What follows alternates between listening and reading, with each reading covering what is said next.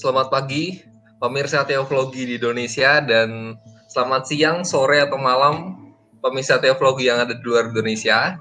Um, ini tema yang menarik karena uh, apa ya? Mungkin baru di teologi ini nyinggung Trinitas dan apa ya tragedi tragedi-tragedi yang ada di Indonesia dan apa namanya uh, Bung Yosia ini uh, apa uh, lagi pertama di sini dan mungkin bisa dijelaskan nih apa hubungan tragedi dan trauma Trinitas dan bagaimana doktrin Trinitas bekerja dalam trauma tragedi 98 ini.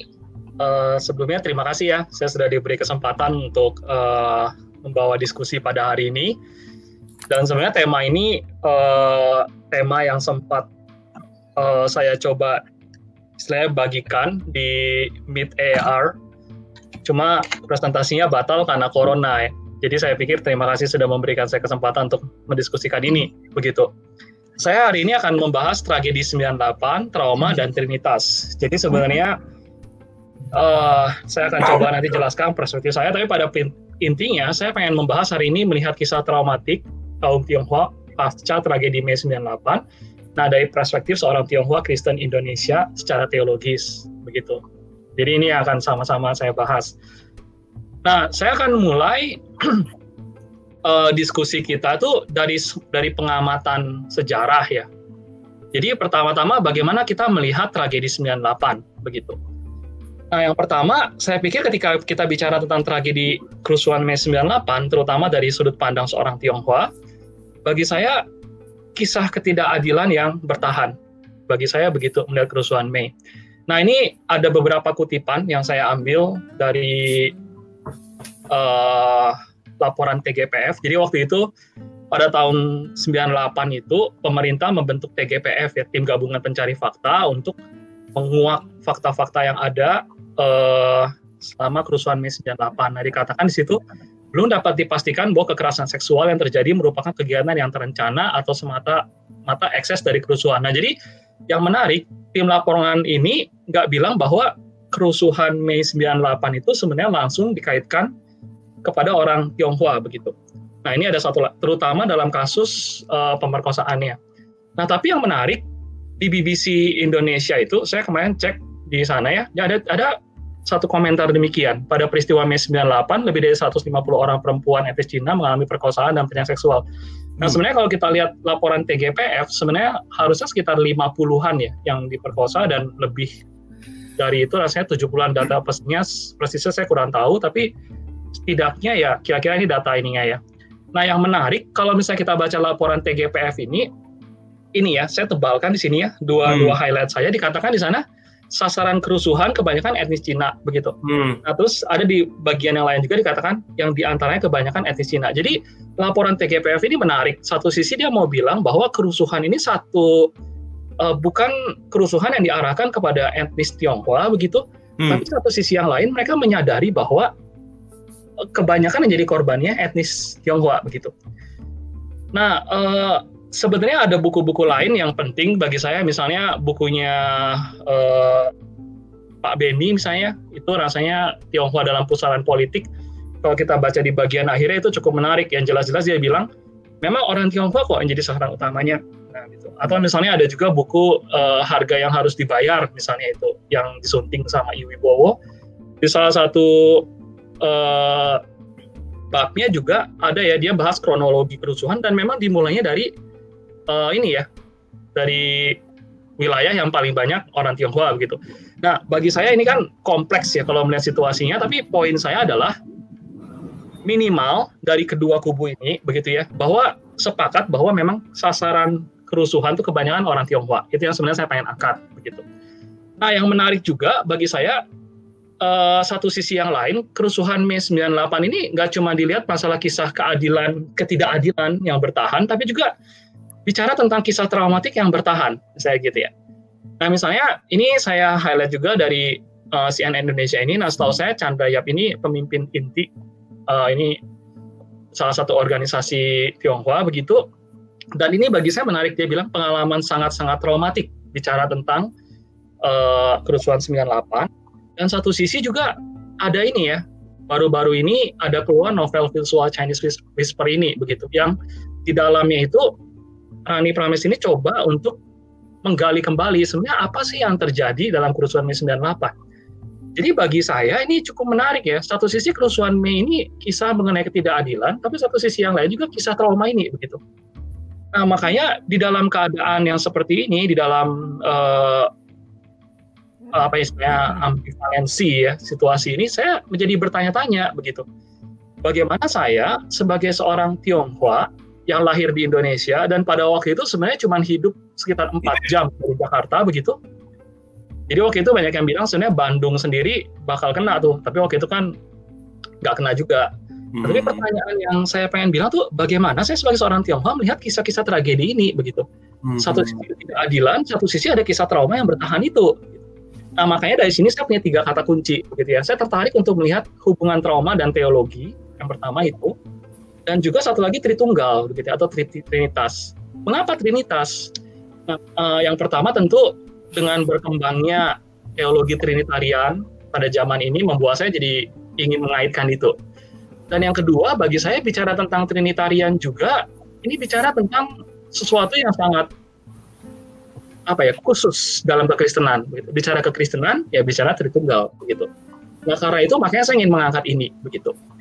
Nah tentu karena sudut pandang yang saya angkat ini sudut pandang yang sifatnya teologis begitu metode yang saya gunakan akhirnya jatuh kepada metode ini metode konstruktif begitu nah ini kira-kira uh, kutipan yang saya ambil dari buku Jones itu yang intinya saya pengen yang intinya bagi saya metode berteologi konstruktif ini bagi Jones ini adalah teologi dapat diibaratkan sebagai sebuah peta maka teolog sebagai seorang kartografer kartografer itu yang menggambar petanya itu begitu berusaha untuk memetakan gunung konstruksi teologis secara bertanggung jawab.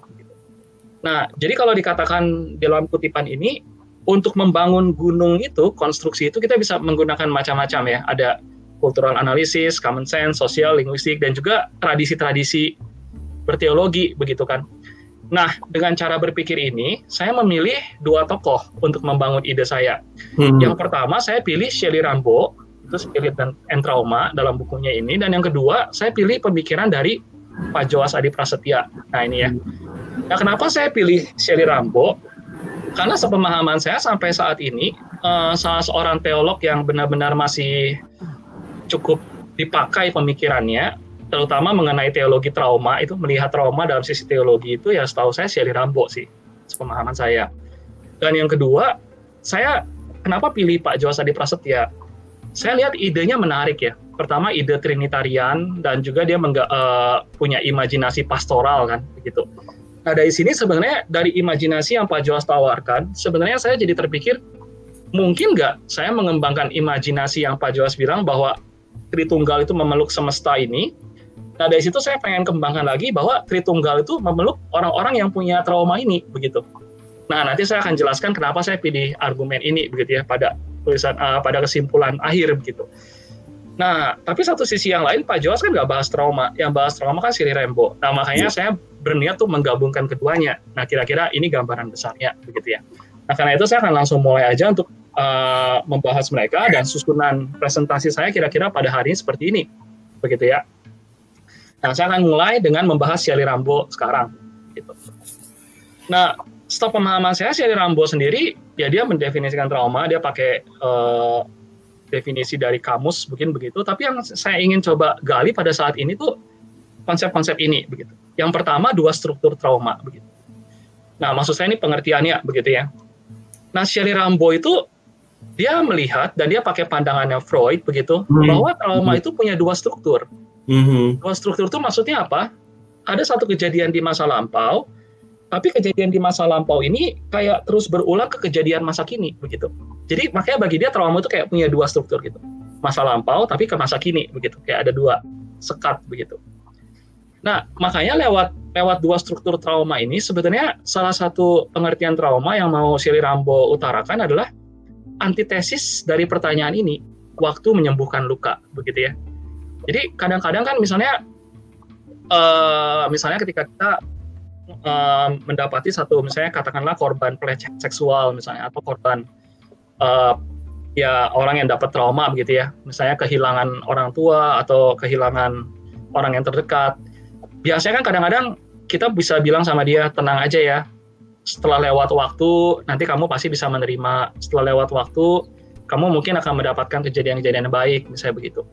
Nah justru si Rembo ini pengen bilang, kadangkala kenyataan itu nggak seperti itu. Justru dengan struktur trauma ini, dia pengen bilang bahwa kadang-kadang luka itu nggak sembuh. Begitu. Malah luka itu terus menghantui kehidupan seseorang. Begitu. Nah makanya dampaknya ketika seseorang punya semacam trauma, nah trauma itu apa sih? Sebenarnya Sally Rambo juga bilang trauma itu adalah satu pengalaman dalam hidup seseorang dan dalam pengalaman itu dia bertemu dengan kejahatan yang tiba-tiba atau kekerasan begitu ya, violence yang sangat luar biasa sampai-sampai dia shock begitu. Nah, makanya ketika seseorang ngalamin trauma, hmm. dampaknya itu ada semacam kilas balik. Makanya tiba-tiba hmm. orang yang sedang mengalami trauma itu kadang-kadang dia bisa tiba-tiba diam gitu ya lalu dia mikir gitu kan. Ada kejadian-kejadian yang menghantui bisa bangun tiba-tiba mungkin tidur begitu. Nah saya bukan orang psikologi klinis cuman bisa mendebak-nebak aja begitu. Hmm. nah terus si si Ali Rambo juga dia bilang penderitaan yang menubuh. Nah sepemahaman saya si Ali Rambo juga dia mengutip bukunya uh, Judith Herman rasanya. Trauma and Recovery rasanya. Nah di buku itu Judith Herman itu membahas masalah uh, kejadian-kejadian klinis ya yang terjadi misalnya. Ada pasien yang traumatik bisa sampai teriak-teriak misalnya begitu. Jadi maksudnya poin yang saya bilang maksudnya intinya ketika kita trauma itu ada uh, respon dari tubuh yang kelihatan begitu sebenarnya. Tapi masalahnya ada kilas balik, ada penderitaan yang menubuh, tapi si korban ini nggak bisa mengungkapkan peristiwa itu dengan kata-kata begitu. Nah, ini ini salah satu tanda ketika seseorang masih punya trauma menurut Rambo begitu. Jadi intinya ada penderitaan yang nggak bisa dijelaskan begitu. Nah, dari situ sebenarnya bagi saya menarik itu ketika Rambo itu mencoba mengkonstruksi itu begitu. Nah, bagi Rambo dua struktur trauma itu kalau misalnya dalam bahasa teologi itu dia mau bilang pertemuan dengan kematian begitu ya. Hmm. Hmm. Jadi bisa dibilang, nah memang Rambo sendiri nggak mengutip tilih ya. Nah itu saya nggak nggak lihat dia mengutip tilih, tapi memang yang menarik dia bilang bahwa trauma itu sendiri atau pengalaman trauma itu sebenarnya dapat dapat diibaratkan kalau kita bilang dalam terminologi hidup dan mati itu kematian yang terus hidup dalam kehidupan seseorang gitu. Jadi trauma itu sendiri pertemuan dengan kematian dan pengalaman traumatik itu seperti menghidupi kematian itu begitu. Hmm. Nah, makanya dari sini si Rambo ini mencoba mengonstruksi yang namanya middle space. Hmm. Nah, saya nggak bahas uh, dari mana dia konstruksi, yang pasti dia pakai Baltasar misalnya dan juga pakai kesaksian Injil Yohanes. Tapi middle space itu maksudnya apa? Itu satu Nah, dia pakai middle space itu sebenarnya ya mau nggak mau pakai Baltasar berarti, sorry ya. Jadi Baltasar itu kan mengonsepsi yang namanya uh, ini Sabtu Sunyi ya eh Sabtu Sunyi ya rasanya Holy Saturday Sabtu Kudus begitu. Nah Sabtu Kudus ini kan kalau kita lihat liturgi gereja itu sebenarnya satu keadaan di mana Yesus itu dia mati tapi dia juga belum bangkit begitu. Nah begitu. Nah jadi Rambo pengen bilang ada situasi di mana antara hidup dan mati ini berbaur begitu loh. Hmm, hmm, hmm. Satu sisi dalam ruang ruang ini Yesus tuh mati tapi dia bangkit begitu kan. Yes. Tapi dia akan bangkit juga gitu loh. Jadi kayak ini kabur begitu loh. Ini kematian hmm. ini hmm. kayak menghantui kebangkitan tapi kebangkitan hmm. juga akan terjadi gitu loh. Ini jadi di antara hidup dan mati ini nggak jelas. Nah, hmm. Rambo melihat bahwa pengalaman tadi bahwa kalau misalnya trauma itu adalah pertemuan dengan kematian dan kematian tuh kayak semacam menghantui kehidupan. Nah, middle space ini sebenarnya secara teologis menjadi hmm. gambaran mengenai pengalaman traumatik itu gitu. Uh -huh. Wah ini kan menarik juga ya. Nah yang menarik bagi Rembo dalam middle space ini begitu Roh Kudus itu berperan gitu. Yang namanya sebagai middle spirit begitu. Nah ini ada penjelasan hmm. yang dia pakai begitu. Tapi pada poinnya saya pengen bilang, nah gerakan dan tahu dari mana bahwa misalnya middle spirit ini bekerja dalam middle space. Nah, dia pakai si Baltasar juga sebenarnya bahwa spirit itu memang masuk ke ruang itu. Jadi maksudnya dia pakai penggambaran Baltasar dan juga ada satu kalimat yang saya ingat itu misalnya dia bilang ketika Yesus mati dia menghembuskan nafas kan. Hmm. Begitu. Nah, ketika dia menghembuskan nafas, roh yang sama juga membangkitkan dia tuh begitu. Nah, ini secara teologinya dia. Tapi yang saya pengen uh, garis bawahi sekarang, gerakan Roh Kudus dalam middle space ini ada tiga yang dia bilang. Hmm. Yaitu tiga itu, roh adalah nafas, roh tidak bekerja dalam waktu yang linear, roh adalah kasih itu sendiri. Hmm. Nah, jadi maksudnya si Rambo ini dia pengen bilang, katakanlah dalam orang yang sedang mengalami pengalaman traumatik itu, tahu dari mana roh itu bekerja? Yang pertama lewat nafas itu, begitu ya. Justru dengan kita mengetahui ada nafas, misalnya begitu ya, kita hmm. diingatkan bahwa ada roh kudus, begitu. Hmm. Nah, hmm. begitu. Yang kedua, yang menarik bagi saya ketika Rambo mulai mengimajinasikan gerakan Roh Kudus dalam ruang middle space tadi, gitu. -hmm. Nah, pada waktu itu kan sebenarnya nggak jelas ya antara ruang kematian ini intinya ya waktu itu seakan-akan kayak nggak jelas begitu loh.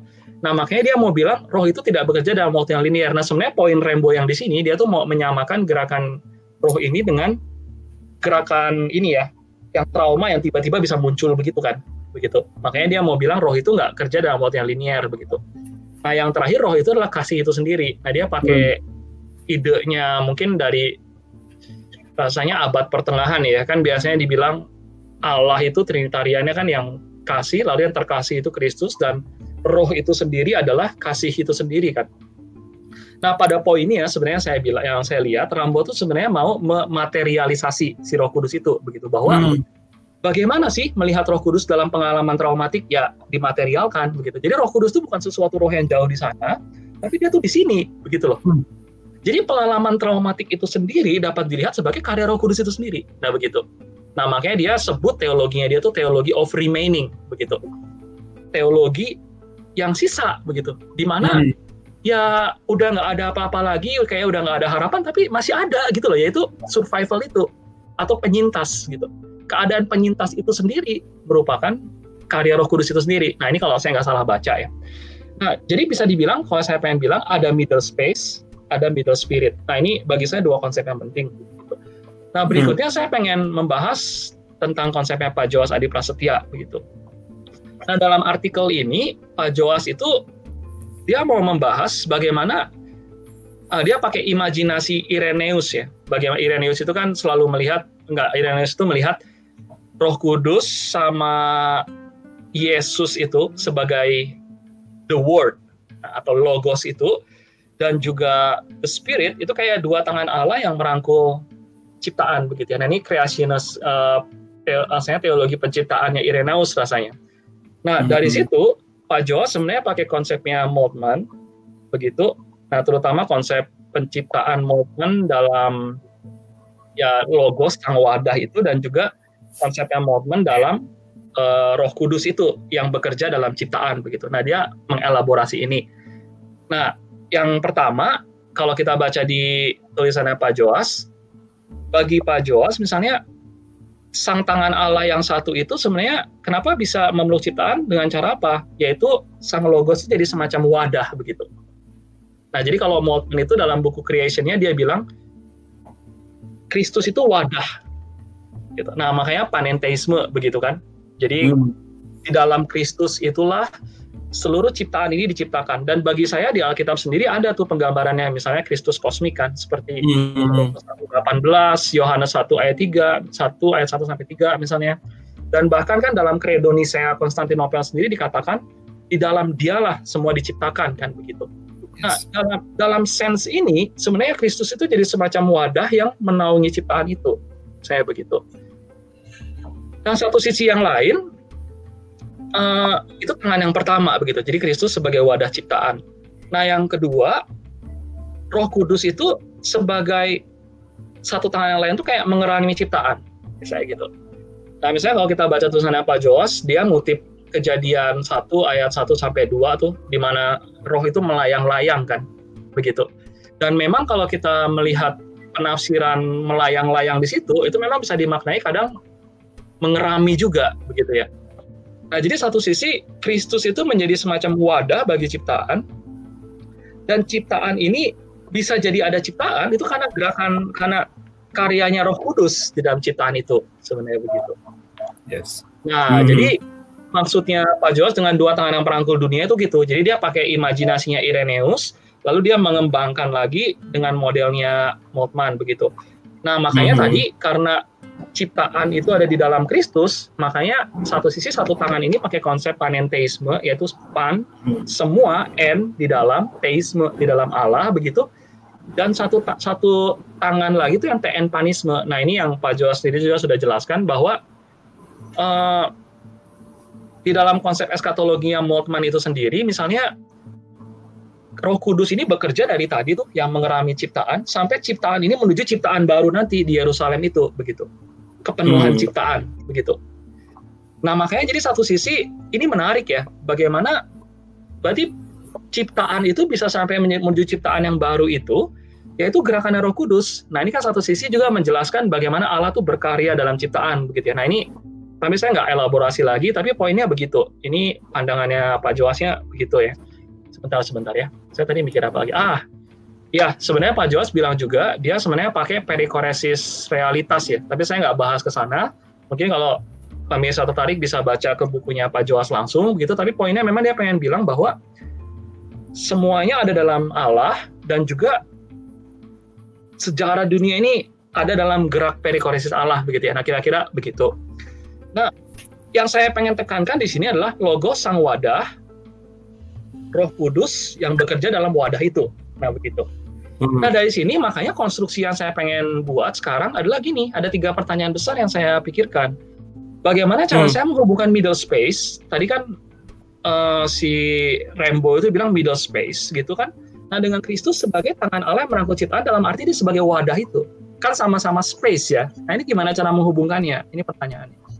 Lalu yang kedua, bagaimana cara saya menghubungkan middle spirit, yaitu bagaimana roh kudus yang bekerja dalam middle space tadi, dengan roh kudus yang bergerak dalam Kristus sebagai space. Nah gitu kan.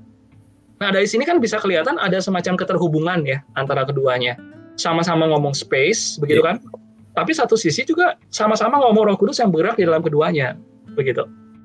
Nah makanya dari sini saya coba pikir-pikir begitu dan konstruksi saya akhirnya jatuh kepada dua teolog begitu uh, yang sudah membahas beberapa pertanyaan sehubungan dengan apa yang saya pikirkan ini begitu. Jadi saya bilangnya engsel gitu ya. Ada dua engsel yang saya pikirkan menjadi penting bagi konstruksi teologi saya.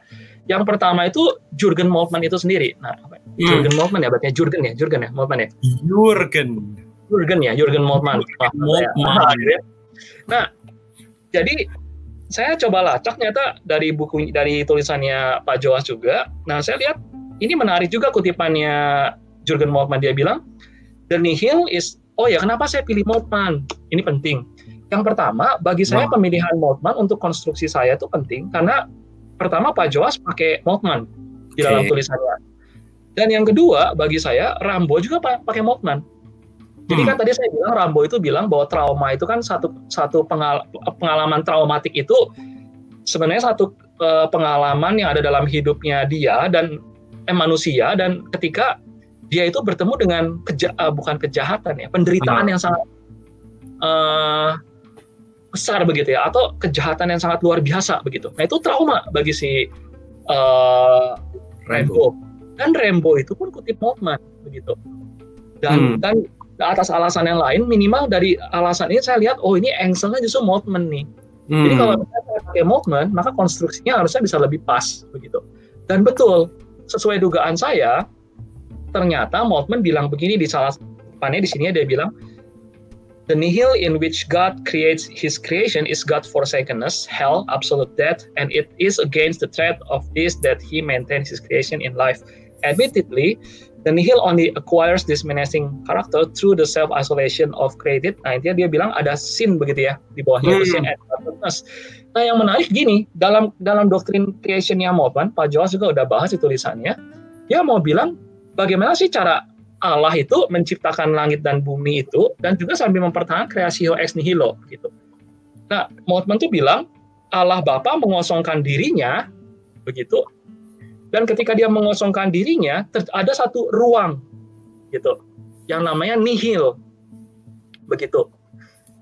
Nah, Roh Kudus di dalam uh, pada ketika Allah mengosongkan dirinya, dia mengisi kekosongan itu yang yaitu menjadi wadah itu ya Kristus, mengisi kekosongan itu menjadi ciptaan, begitu. Sebenarnya begitu. Nah, sebenarnya bagi saya dari mana Moltmann mendapatkan ide ini? Pak Joas juga sudah bahas di tradisi Zinzum itu ya. Jadi tradisi Kabalah sebenarnya. Bagaimana ada gerak konstruksi begitu. Bukan di dalam ayat, saya kurang jelas juga ya, tapi ada gerakan konstruksi begitu. Hmm. Uh, itu saya kurang jelas juga. Nah, tapi yang pasti Moltmann pakai ide gitu dan dia bilang ada kontraksi di dalam diri Allah sendiri sehingga di dalam diri Allah sendiri menyediakan ruang bagi ciptaan yang diisi oleh Allah itu sendiri begitu. Wah ini menarik ya Trinitarian itu sendiri kan keren sekali. Nah ide Moltmann bagi saya itu harus dilihat bahwa bagi Moltmann sebenarnya dari mana ide dia ini ada sebenarnya dia melihat dari penyalipan Kristus sebenarnya. Nah ini penting ah. juga untuk melihat idenya. Dalam yes. arti kan Moltmann itu di dalam Crucified God dia kan bikin klaim bahwa ada penderitaan di dalam Allah lewat penyalipan itu makanya ada penderitaan di dalam Allah Tritunggal itu sendiri kan begitu. Mm-hmm. Dan yang menarik dia bilang bahwa Kristus itu menderita karena dia diabaikan oleh Allah begitu. Tapi Allah Bapa juga menderita karena dia mengabaikan Kristus. Rasanya kan begitu. Mm. Nah, ide ini sebenarnya dipakai sama Moltmann masuk ke dalam doktrin penciptaan sebenarnya. Yes. Ketika Allah mengabaikan dirinya, yaitu mengabaikan Kristus, itu yang nihil itu begitu. Mm. Mm dan akhirnya ada penderitaan di dalam Kristus itu sendiri. Makanya di dalam wadah itu ada nihil, absolute death, begitu. Nah, yang saya pengen bilang di sini sebenarnya dari sini dari dari idenya Moltmann dari dari penciptaan, saya bisa bilang bahwa ada penderitaan di dalam wadah itu. Ini penting dalam konstruksi saya begitu. Nah, hmm. saya akan saya akan sampai sini dulu dalam masalah ini. Saya akan bahas yang kedua. Engsel yang kedua itu sebenarnya dari ini, Jeffrey ini ya. Jeffrey Mins. Nah, ini dosen dari assistant, rasanya assistant dulu, nggak tahu sekarang ya, tapi dia rasanya assistant profesor di Gerard rasanya. Nah, yang menarik kutipan dia, dia bilang gini, evil can be viewed as a chief result of sin or estrangement from God, begitu. Nah, yang menarik dalam buku ini, dia itu ngelihat kasus psikologi klinis, jadi dia itu uh, bisa dibilang konselor begitu, dan juga uh, pasangannya dia yang nulis ini, maksudnya pasangan menulisnya bukan istrinya, uh, itu juga konselor teolog, uh, konselor klinis begitu. Eh apa ya? Psikolog klinis, psikolog klinis yang lebih tepat ya. Nah, jadi dia melihat bahwa mau nggak mau ketika berbicara tentang trauma, begitu apalagi dari kasus-kasus klinis itu, kita harus bicara tentang kejahatan atau evil, hmm. Hmm. begitu. Nah, yang menarik Nah, dia pakai Ted Peters. Nah, kenapa saya pilih dia? Nah, salah satunya karena dia pakai Ted Peters. Setahu saya Ted Peters itu kan konstruksi hubungan Allah dengan dunianya itu kan panenteistik juga ya. Uh, dan dia pakai konsepnya Ted Peters di radical sin rasanya. Nah, makanya saya pilih orang ini. Hmm. Nah, tapi dari orang ini, dari Jeffrey ini saya belajar satu hal bahwa antara trauma dan kejahatan itu ada hubungannya dengan sin gitu. Nah, kaitannya dengan yang Moltmann tadi apa? Dalam ciptaan ada dosa. Mm-hmm. Dari dosa ada evil kan? Mm-hmm. Dari evil ada penderitaan. Nah, walaupun dia nggak bahas penderitaan, tapi dalamnya kita bisa bisa bilang salah satu dampak kejahatan pada orang lain itu ya menjahati orang begitu loh. Nah, kalau bilang tentang kejahatan dan trauma, ternyata cocok dengan idenya Rembo ini begitu. Nah, hmm. sekali lagi saya sadar memang ini masih ide yang kasar sekali ya. Saya belum lebih dalam lagi memikirkan emang konsep kejahatannya Rembo sama si ini sama atau okay. penderita sini ini sama. Tapi saya lihat minimal idenya jadi nyambung begitu. Dalam ciptaan ada kejahat, ada dosa, dosa itu juga ada kejahatan, kejahatan ada penderitaan, penderitaan menghasilkan trauma. Nah makanya sampai sini kesimpulan yang saya bisa bilang pengalaman middle space tadi ya sebagai pengalaman yang mungkin ya secara spasial mungkin kita nggak bisa lihat. Sekarang misalnya pengalaman traumatik itu apa kan, begitu kan? Itu kan abstrak sekali, tapi minimal dia menubuh kan. Hmm. Menubuh itu ada di dalam realita ini. Dan dari penjelasan mereka, saya bisa bilang kalau memang kejahatan ada dalam realita ini, berarti middle space itu pun menjadi bagian dalam realita wadah Kristus ini, begitu. Mm-hmm. Nah itu. Nah makanya dari sini saya mau bilang bahwa ada korelasinya begitu. Nah, bagaimana dengan Roh Kudus? Nah, tadi kan saya bilang masalah konsep TN panisme ini kan bagaimana Roh Kudus itu bekerja dari yang awal tadi sampai memenuhi ciptaan kan, menuju ciptaan yang kedua. Berarti mm-hmm. sebenarnya bisa dibilang Roh Kudus itu mengerami terus sampai ciptaan itu menjadi penuh gitu. Nah, makanya kalau memang kalau memang saya lihat ya, kalau memang tadi middle space itu ada dalam Yesus sebagai wadah itu sendiri, maka sekarang the middle spirit itu merupakan bagian dari kerja Roh Kudus dalam mengerami ciptaan ini sendiri, begitu. Ah. Dan saya sebenarnya. Nah, makanya saya bisa bilang dari sini kalau memang Pak Joas bilang bahwa karena Kristus sang wadah dan Roh Kudus mengerami ciptaan, maka Allah Tritunggal memeluk dunia, begitu kan? Nah, makanya dari sini saya bisa bilang bahwa bukan hanya dia memeluk dunia, tapi okay. dia juga memeluk orang yang mengalami trauma itu, terutama orang-orang Tionghoa itu sendiri. Gitu. Hmm. Ini kan logikanya jadi begitu kan? Jadi yeah, dia ya. memeluk yeah. juga gitu. Nah, makanya dari sini saya lihat ada dua dampak ya. Yang pertama, kisah traumatik kaum Tionghoa itu sebenarnya merupakan wujud pelukan di dalam sang pencipta itu sendiri. Nah, tentu kenapa saya ngambil kesimpulan ini? Saya rasa uh, saya sih cukup pesimis ya mungkin jiwa saya kurang aktivis begitu ya untuk bilang bahwa kita harus mewujudkan keadilan dalam dunia dan memang harus terus merongrong pemerintah misalnya untuk menyatakan keadilan begitu. Saya berpikir sebaliknya.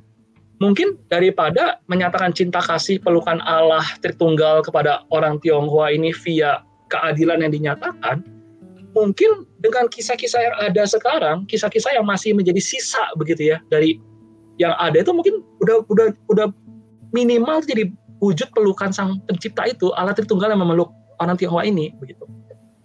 Nah makanya dari sini ada dampak berikutnya. Satu sisi hmm. yang lain akhirnya kisah traumatik dari orang-orang Tionghoa ini sebenarnya jadi semacam kisah kesaksian publik. Dalam arti di mana kan saya senang dengan teologi publik juga. Jadi saya Aha. pikir justru semakin banyaknya penyintas-penyintas yang berani menyaksikan sebenarnya kisah-kisah mereka. Misalnya kalau kita baca laporan bukan TGPF makanya satu laporan lagi yang dikeluarkan sama Komnas Wanita begitu itu, itu tentang kisah-kisah traumatik begitu ya kasus-kasus pemerkosaan yang ada dan bagi saya bukan cuma masalah perkosaan sebenarnya maksud saya masalah penjarahan yang membuat trauma kan begitu justru saya ingin menyatakan bahwa lewat kisah ini begitu ya lewat lewat konstruksi saya justru kita harus lebih berani untuk menyatakan kisah-kisah ini begitu karena justru ketika kita berani menyatakan kisah-kisah traumatik ini, justru ini kisah yang bisa menyatakan pada publik bahwa ada loh kasus ini, begitu loh. Hmm. Jadi minimal, kalaupun begitu ini kan kalau mau mikir jahat ya, jangan sampai kita yang dihantui kan, kita hantui publik juga, begitu. Jadi lewat kisah-kisah ini ya keluarkan begitu. Makanya saya melihat dalam sudut pandang konstruksi saya ini, kayak tadi ya kesaksiannya Chandra Yap di awal, lalu juga misalnya kesaksian dari Chinese Whisper misalnya itu itu sebenarnya satu suara kesaksian publik bahwa ada loh gitu ada dan satu sisi yang lain juga bukti bahwa orang-orang Tionghoa ini tetap dipeluk dalam pelukan sang pencipta gitu. Nah kira-kira ini konstruksi yang saya lakukan. Nah kira ada masukan? Ya ini satu hal yang baru bagi saya. Kenapa? Ya biasanya nih kalau kita di publik di gereja atau di apa lintas agama itu yang dibahas tentang apa itu ternitas dan hanya uh, sekit, uh, hanya soal definitif saja gitu. Dan eh, nggak uh, bisa dipraktekkan bagaimana cara mereka ternitas dalam kehidupan sehari-hari. Tapi ini yang saya temukan beda itu ternyata ternitas nggak cuma apa ya menjelaskan bagaimana doktrin tentang Allah tapi juga menjelaskan bagaimana Allah bekerja dalam hidup kita. Nah, yang Bung Yusia ini adalah bagaimana Allah bekerja dalam trauma kita uh, setidaknya ada beberapa poin yang saya tangkap. Mungkin uh, Mas Soya atau Bung Predian lebih banyak menangkap poin, tapi ada hal yang menurut saya menarik. Yang pertama, uh, Bung Yosef menerangkan bahwa uh, pertemuan dengan kematian, terus uh, akhirnya hmm. Bung Yosef juga ngomongin tentang pertemuan dengan kejahatan. Ini yang uh, disebut dengan masa-masa apa ya manusia mengalami trauma itu sendiri. Terus ada juga uh, respon ini uh, bahwa uh, Allah itu Yesus sebagai wadah dan uh, Roh Kudus sebagai material yang bisa dirasakan itu. Terus uh, Allah juga menampung semua realitas-realitas itu adalah hal yang cukup baru bagi saya dan saya bisa menanggapi juga bahwa uh, Allah yang di uh, pengertian Ehye, Asyir Ehye itu adalah Allah yang penuh dengan kemungkinan, possibility. Wow, ini anu ya, ini presentasi yang luar biasa ya, Yos. Buat saya uh, ini dahsyat ya, uh, karena apa yang anda bahas ini, uh, Bung Yos yang bahas ini begitu kompleks uh, tapi kemudian menukik dan uh, implementasinya sebenarnya sangat sangat uh, mungkin terkesan kontroversial tapi menarik begitu ya. Uh, misalnya tadi di, di bagian akhir Bung Yosya mengatakan daripada kita terus menerus misalnya uh, berpikir untuk sekedar uh, mencari keadilan itu dan itu penting tapi bagaimana misalnya kita juga melihat dari sisi yang lain ya bagaimana kalau ternyata trauma ini sendiri adalah bagian yang tidak bisa dilepaskan dari proses healing itu sendiri. Nah, saya saya saya tertarik uh, Bung Yosia uh, yang pertama ini, Bung. Uh, sebenarnya kalau kita uh, ingat ya, kan barusan presentasi Bung uh, NS ini kan tentang nothingness ya. Uh, jadi ini saya nggak tahu ini apakah ini rancangan ilahi juga, apalagi kita nggak pernah bicara ya. Bung NS bahas uh, nothingness, uh, kegelapan, begitu ya, uh, yang merupakan bagian dari uh, sang kalik pula, ya, bagian dari sang Allah, uh, dari Allah juga Kemudian uh, Anda juga tadi membahas soal middle space. Nah, yang yang kesan saya juga itu tidak tidak beda jauh dengan mungkin yang disebut atau diistilahkan juga dengan liminal space begitu ya. Uh, ya betul di batasan betul. Uh, betul. Nah, saya nggak tahu bu, tapi kalau misalnya kalau misalnya uh, misalnya juga kita apalagi kan trauma ini kan sifatnya negatif ya. Apakah bisa juga ini dikaitkan dengan misalnya uh, Dark Night of the Soul gitu kan? Karena hmm. Dark Night of the Soul kan ada ada unsur spiritual desolation, ada unsur uh, nothingness di sana, ada unsur uh, perasaan seolah-olah Allah Allah menjauh begitu ya, Allah Allah uh, seperti tak tidak dirasakan. Hmm. Namun sebenarnya dalam proses itu kalau misalnya kita kita belajar dari Saint John of the Cross itu sebenarnya proses proses Allah sendiri kan, proses semakin direngkuh dalam dalam dalam Allah sendiri sebenarnya. Nah, ini ini gimana, Bung? Uh, kalau misalnya kita kaitkan dengan kesalahan Karena saya tidak mendengar Anda, Anda tadi kaitkan dengan uh, Saint John of the Cross gitu loh. Karena kalau menurut saya kalau kalau bisa bisa dikaitkan ke sana juga ini mungkin menarik. Iya. Nah, itu jadi memang menarik juga Kaper. Mungkin saya menanggapinya yang pertama mungkin kalau yang dari Kaper tadi ini ya masalah nothingness ya. Ini waktu saya ingat waktu ngobrol kemarin ya belakang waktu di percakapan belakang tuh sama Mas Indio waktu Mas Indio bahas kemarin itu saya bilang juga loh ini kok ada hubungannya sama Moltmann ya. Gitu. Kalau saya tanya Moltmann tuh baca Eckhart gak ya gitu ya. Tapi gitu. Jadi memang dia bilang nihil ya. Tapi saya jujur sendiri belum dalamin itu dan betul saya rasa ada hubungannya mungkin. Nah mungkin ini jadi proyek saya yang berikutnya begitu. Uh, itu betul. Nah yang kedua, sepemahaman saya justru gini, uh, Rambo sendiri merancang teologianya itu justru untuk melihat, nah menyambung ke yang Adi tadi ngomong masalah ketemuan dengan kejahatan begitu ya. Nah biasanya kan uh, yang kita pakai framework kita misalnya ketika melihat trauma atau kejahatan yang begitu besar kan salah satu caranya itu kan melihatnya apa? Tenang aja pasti sesuatu tuh akan jadi baik. Selalu ada hal yang baik ya kan yang terjadi dalam keja yang yang yang dalam kehidupanmu itu kan pertemuan dengan kejahatan itu dan nanti pasti kamu akan melihat segala sesuatu baik. Nah justru Rambo mau menantang itu gitu. Loh, kenapa harus jadi baik? Nah gitu. Itu yang pertama kan. Kalau nggak baik gimana? Itu yang, ya. yang jadi masalah. Yang kedua, sekarang memaknai keadaan orang yang sedang mengalami terguncang itu bagaimana pertemuan dengan kejahatan itu misalnya. Nah ini kan mungkin juga bagi saya secara uh, secara ilustratifnya itu kan misalnya ketika kita jadi pendeta jemaat, lalu misalnya kita ada di kedukaan begitu kan, mungkin ada orang terdekat dari jemaat kita yang meninggal gitu kan. Nah pendekatan trauma ini kan mungkin membantu kita untuk lebih mendengar aja. Yang dikatakan mendengar itu kan karena kita memahami, belum tentu baik loh ke depannya gitu kan. Ya, ya dengar aja gitu.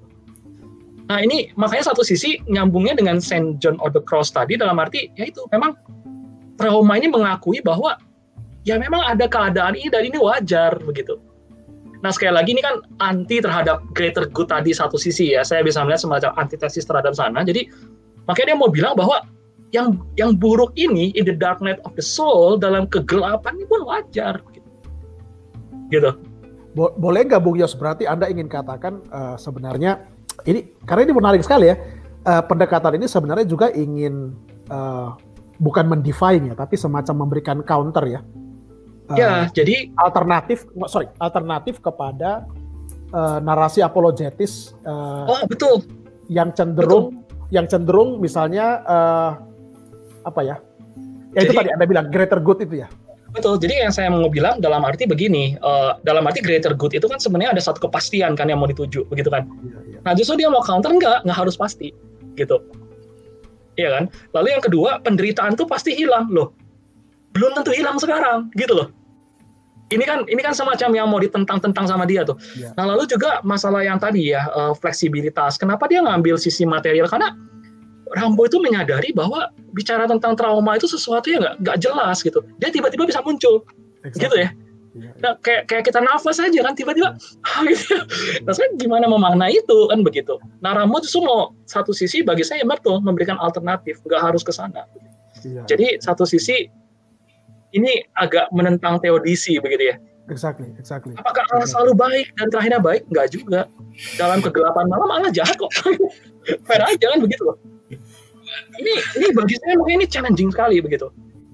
Nah, makanya satu sisi kaitannya terhadap kesaksian orang Tionghoa.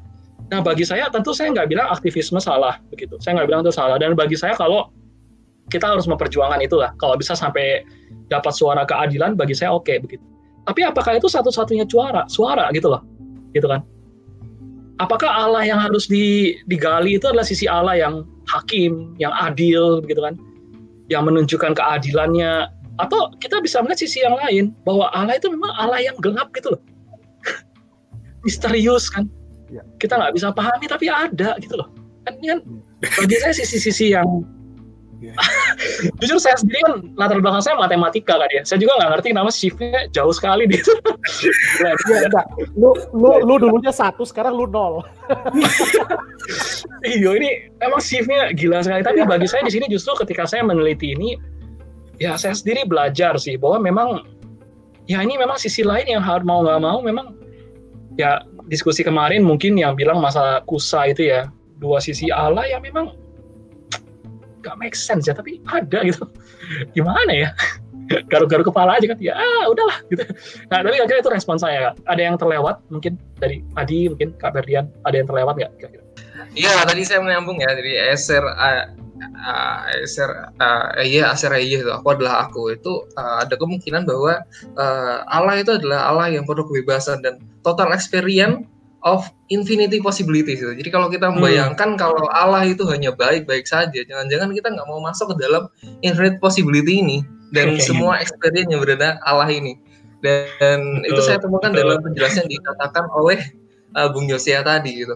Dan saya cukup memaknai apalagi ketika uh, Bung Yosia pakai apa ya teologinya Jiwa Sadi tentang itu sebagai wadah itu. Um, itu di, diceritakan kan Yesus bangkit itu.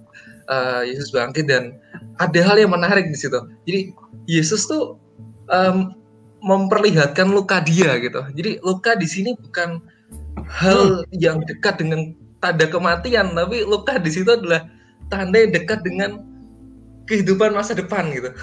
Ya, Jadi betul. Yesus mengungkapkan luka ini sebagai apa ya? sebagai tanda untuk menegaskan inti apa ya? identitas dia sebagai Tuhan itu sendiri, jadi sebagai wadah itu sendiri gitu. Nah ini uh, interpretasi ini meyakinkan apa ya? akan meyakinkan apa uh, pembaca uh, bahwa Yesus tuh dekat sekali dengan luka gitu. Hmm. Ya, itu itu itu yang saya dapatkan ya dari percakapan ini dan nah, mungkin kalau Bung Perdian sama Bung uh, nih jadi mengatakan oh, ini kok lirit ya apa nothingness ya karena ini pasca kan Oops. Uh, atau mungkin pertanyaannya Bung Adi ini uh, apakah apa kaitannya trauma dengan kejahatan begitu? Hmm.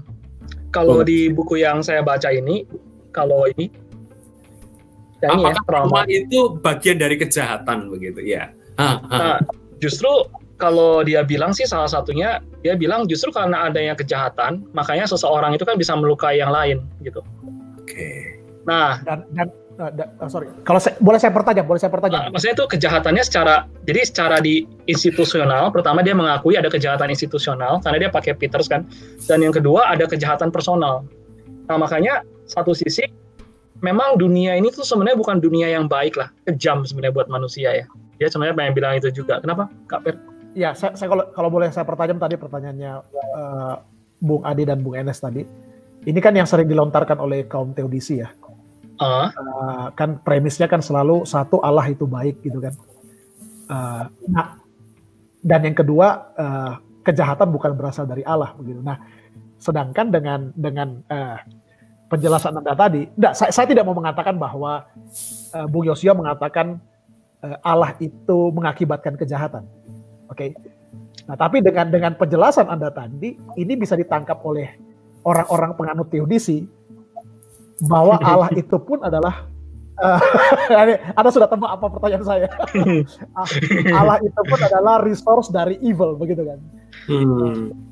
Hmm, ya kan? Nah, ini, ini, kan, ini kan yang sebenarnya dalam dalam kalau misalnya dalam uh, percakapan teodisi gitu, Bung Enes. Nah, tapi kalau Rambo ya. sendiri memang dia atau sepemahaman saya justru nggak larinya ke teodisi begitu. Ya, ya, Jadi ya, ya, ya, ya. Uh, ini ini penting begitu. Jadi ya, ya. Uh, yang setahu saya dalam percakapannya, jadi bahkan uh, Rambo itu cuma bahas masalah suffering dan dia sebenarnya nggak kaitkan ke Tritunggal sebenarnya. Dia cuma bilang bahwa trauma itu akibat suffering tapi dia nggak pernah atau penderitaan ke, ke barat-baratan ya. Akibat itu ya penderitaan. Tapi dia nggak pernah bilang penderitaan itu asalnya dari mana. Itu yang pertama. Rambo nggak pernah bilang gitu gitu. Nah jadi bagi saya justru pertanyaan yang kalau katakan mau pakai uh, yang teodisi tadi ya bagi saya itu jadi satu diskursus tersendiri gitu. ya ya ya jadi ya, kalau ya. memang mau lanjut ya silahkan gitu. Tapi kan saya nggak bisa jawab juga. Uh, gitu ya. Mungkin ya mas? No, mas? Ya uh, Thank you, Bung Yosia. Ini ini uh, sebuah presentasi yang bagi saya uh, sebuah pemikiran yang kompleks tetapi sangat perlu, sangat mencerahkan dan saya terpana ini memang tadi gitu kan. Perpesukan dan saya senang sekali, saya senang sekali, saya senang sekali. Dan saya yakin Pak Yoas kalau beliau menyaksikan itu juga akan uh, apa namanya melihat sisi yang kreatif serta konstruktif dari apa yang anda presentasikan ini. Nah pertanyaan saya begini Bung, um, pertama uh, Shelley Rainbow juga menulis buku yang kedua, sequence oh, dari iya, iya, iya. trauma, betul, betul. trauma itu yaitu hmm. resurrecting the wounds atau resurrecting hmm. the trauma begitu kan. Nah, uh, ah sorry, ini ada komen dari Pak Yuas. Jadi beliau menyaksikan ini, Bung. Oh. Terima kasih, Pak.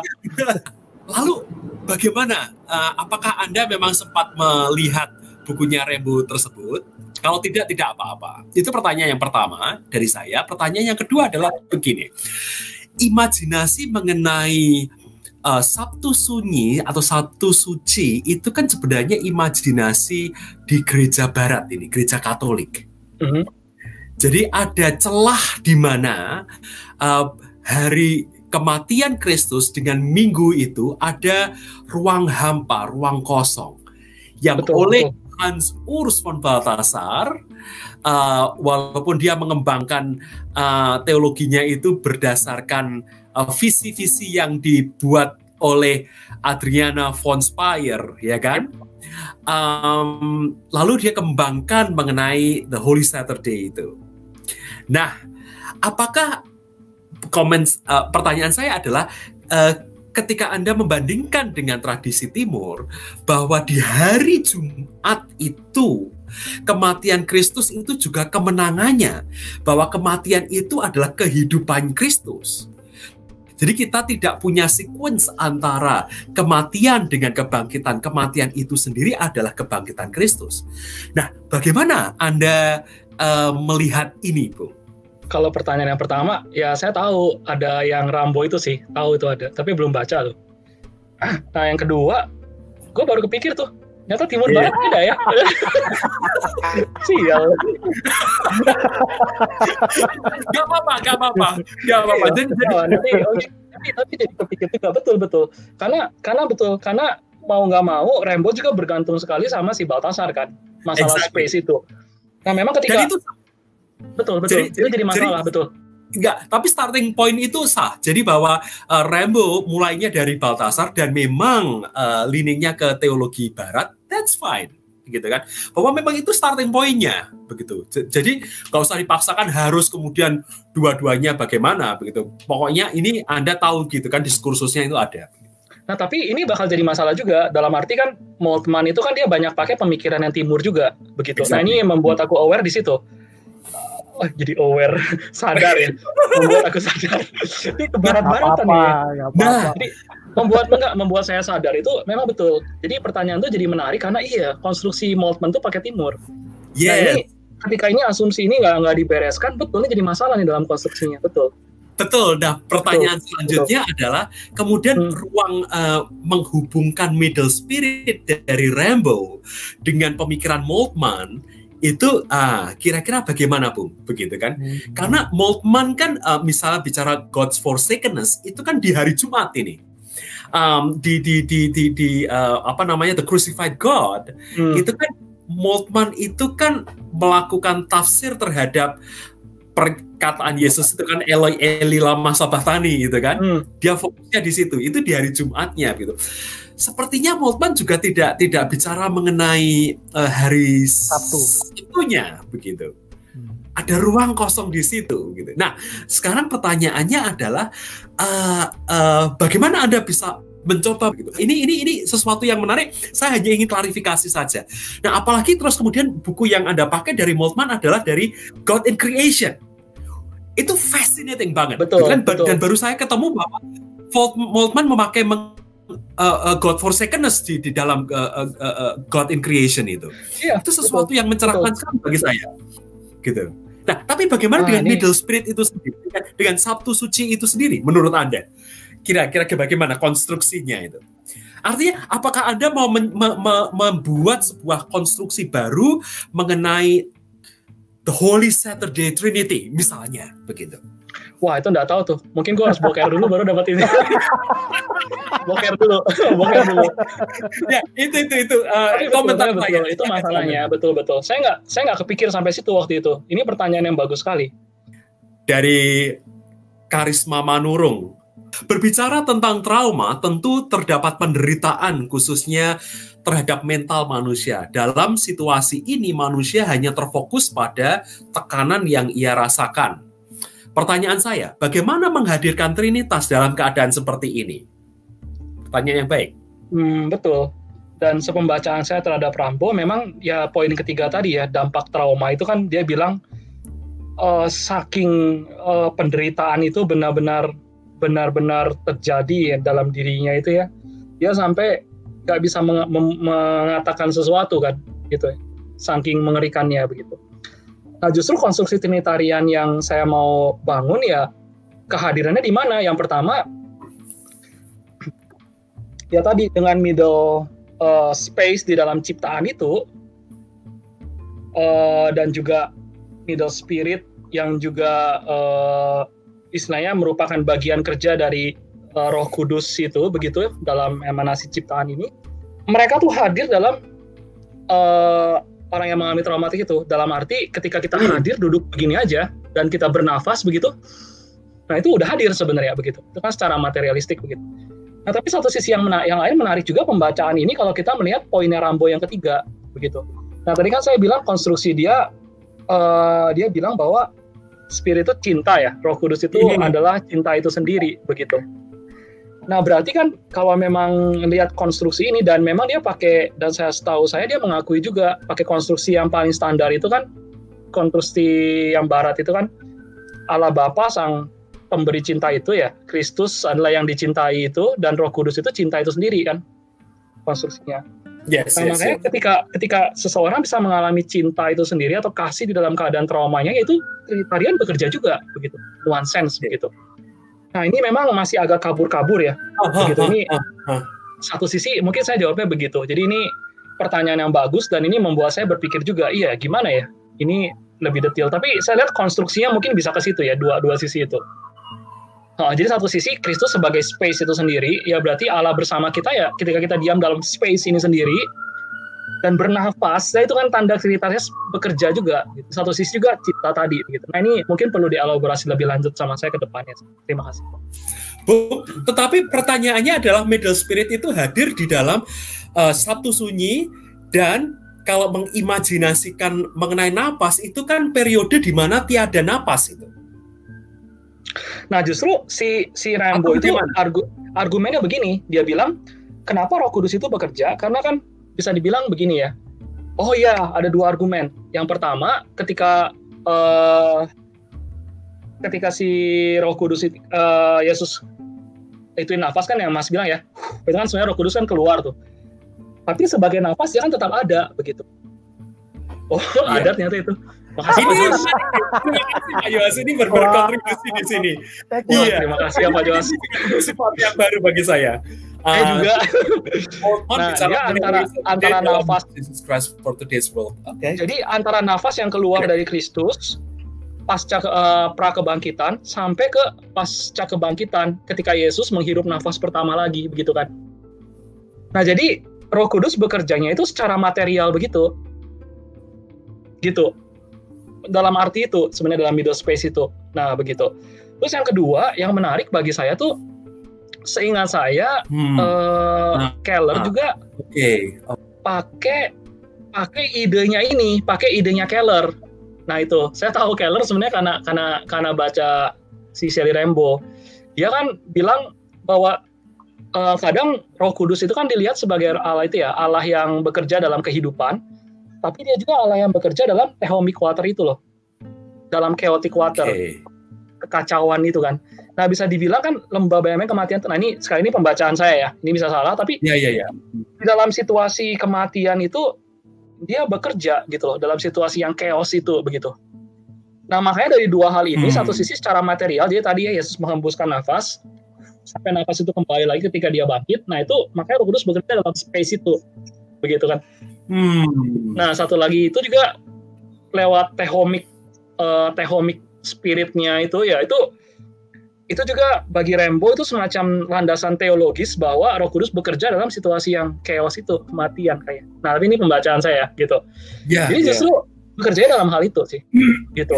Hmm. Nah, memang satu sisi saya pikir juga ini ini saya problemnya yang saya pikir misalnya katakanlah saya nggak pakai konstruksi yang Pak Joas misalnya tadi kan yang wadah segala macam. Nah, katakanlah kalau nggak pakai itu dalam arti dalam bentuk yang cinta tadi kan sebenarnya juga kan nggak panenteistik kan modelnya ya nggak sih? Iya iya iya. Iya ya juga kan. Jadi kayak sebenarnya model yang barat sekali kan. Exactly. itu juga jadi yeah. pertanyaan kan. Wah ini gimana ya ini ya gitu. Ini jadi beberapa hal memang perlu diluruskan nih ide-ide ini begitu. No, tapi ini ini sangat bagus. Uh, Caper, Bung Ferdian. Saya cuma tertariknya begini. Eh, kebetulan kemarin saya kami dikasih satu reading ya. Kami dikasih satu reading uh, okay. dari satu profesor kami. Uh, dia uh, Bung NS tahu ya, uh, Safwat.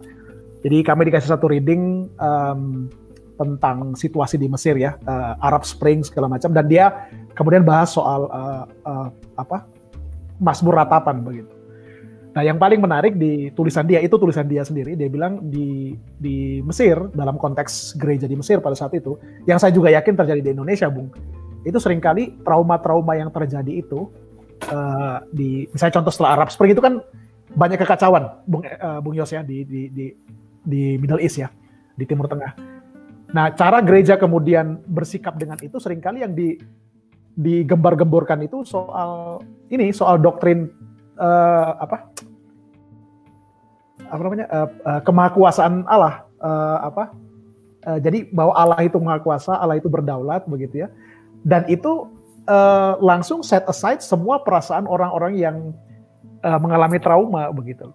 Jadi semacam hmm. itu itu di di di di apa di repress gitu ya. Di repress dan dianggap uh, seperti anda bilang tadi. Jadi pendekatan yang apa ya yang positiva begitu ya tapi justru dampaknya itu menurut menurut pro saya itu merepres uh, perasaan-perasaan orang itu. Nah, tatkala justru Masmur Masmur ratapan itu kan Masmur-Masmur yang membuka ruang gitu ya uh, untuk adanya perasaan-perasaan seperti itu. Nah, saya nggak tahu, Bung, uh, kira-kira bagaimana nih? Karena tadi saya melihat kan uh, kalau nggak salah ini saya catat beberapa di sini ya.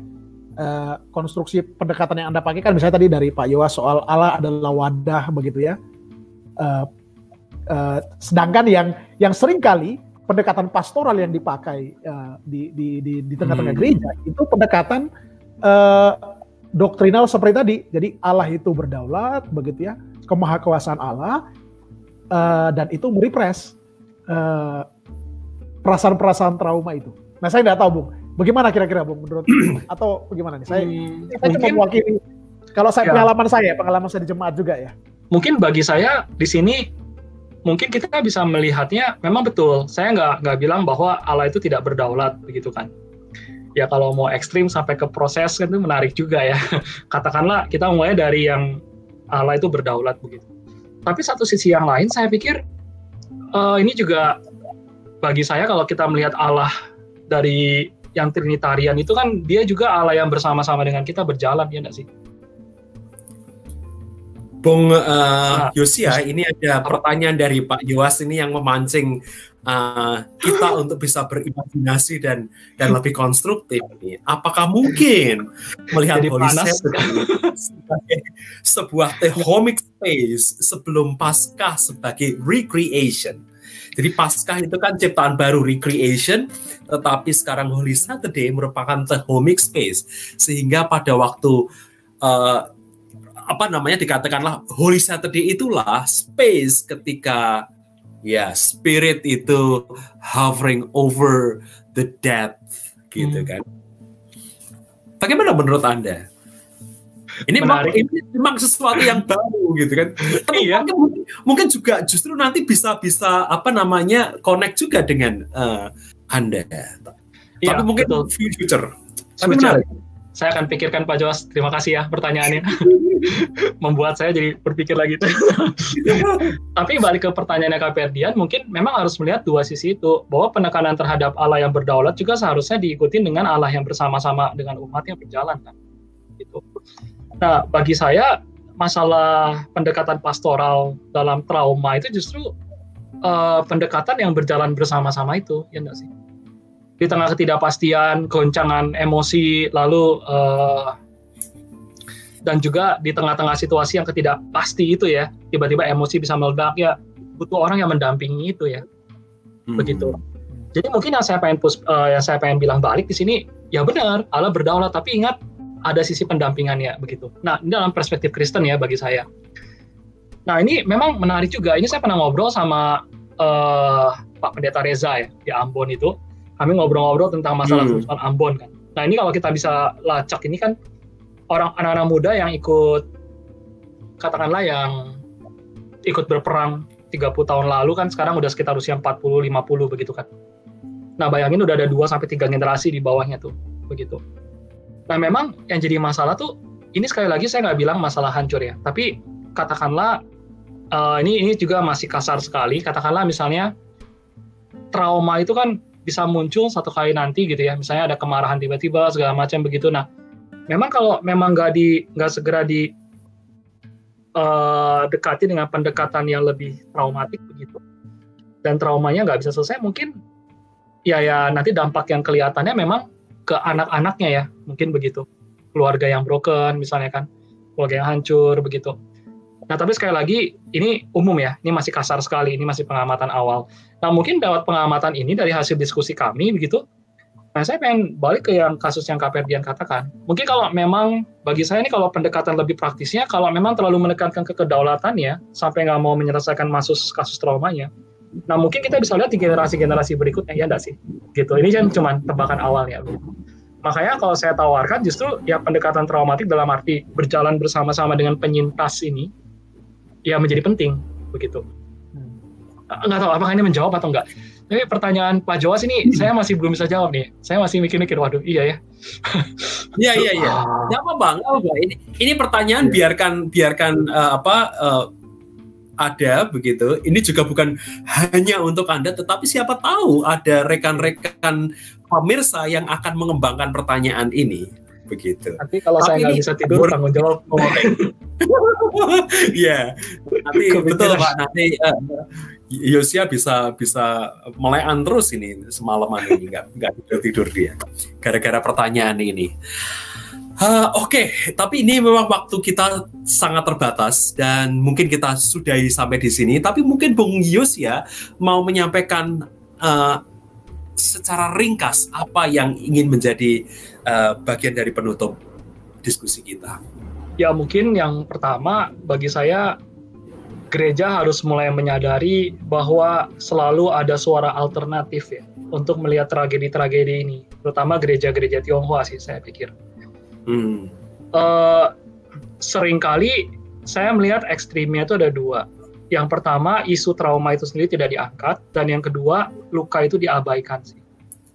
Nah makanya saya pikir justru lewat presentasi ini saya sebenarnya berharap juga ya susah gereja Tionghoa ya saya pikir mulai memperhatikan isu-isu ini begitu. Dan lebih jauh lagi mungkin gereja-gereja mulai memperhatikan adanya alternatif lain dalam melihat kejahatan begitu.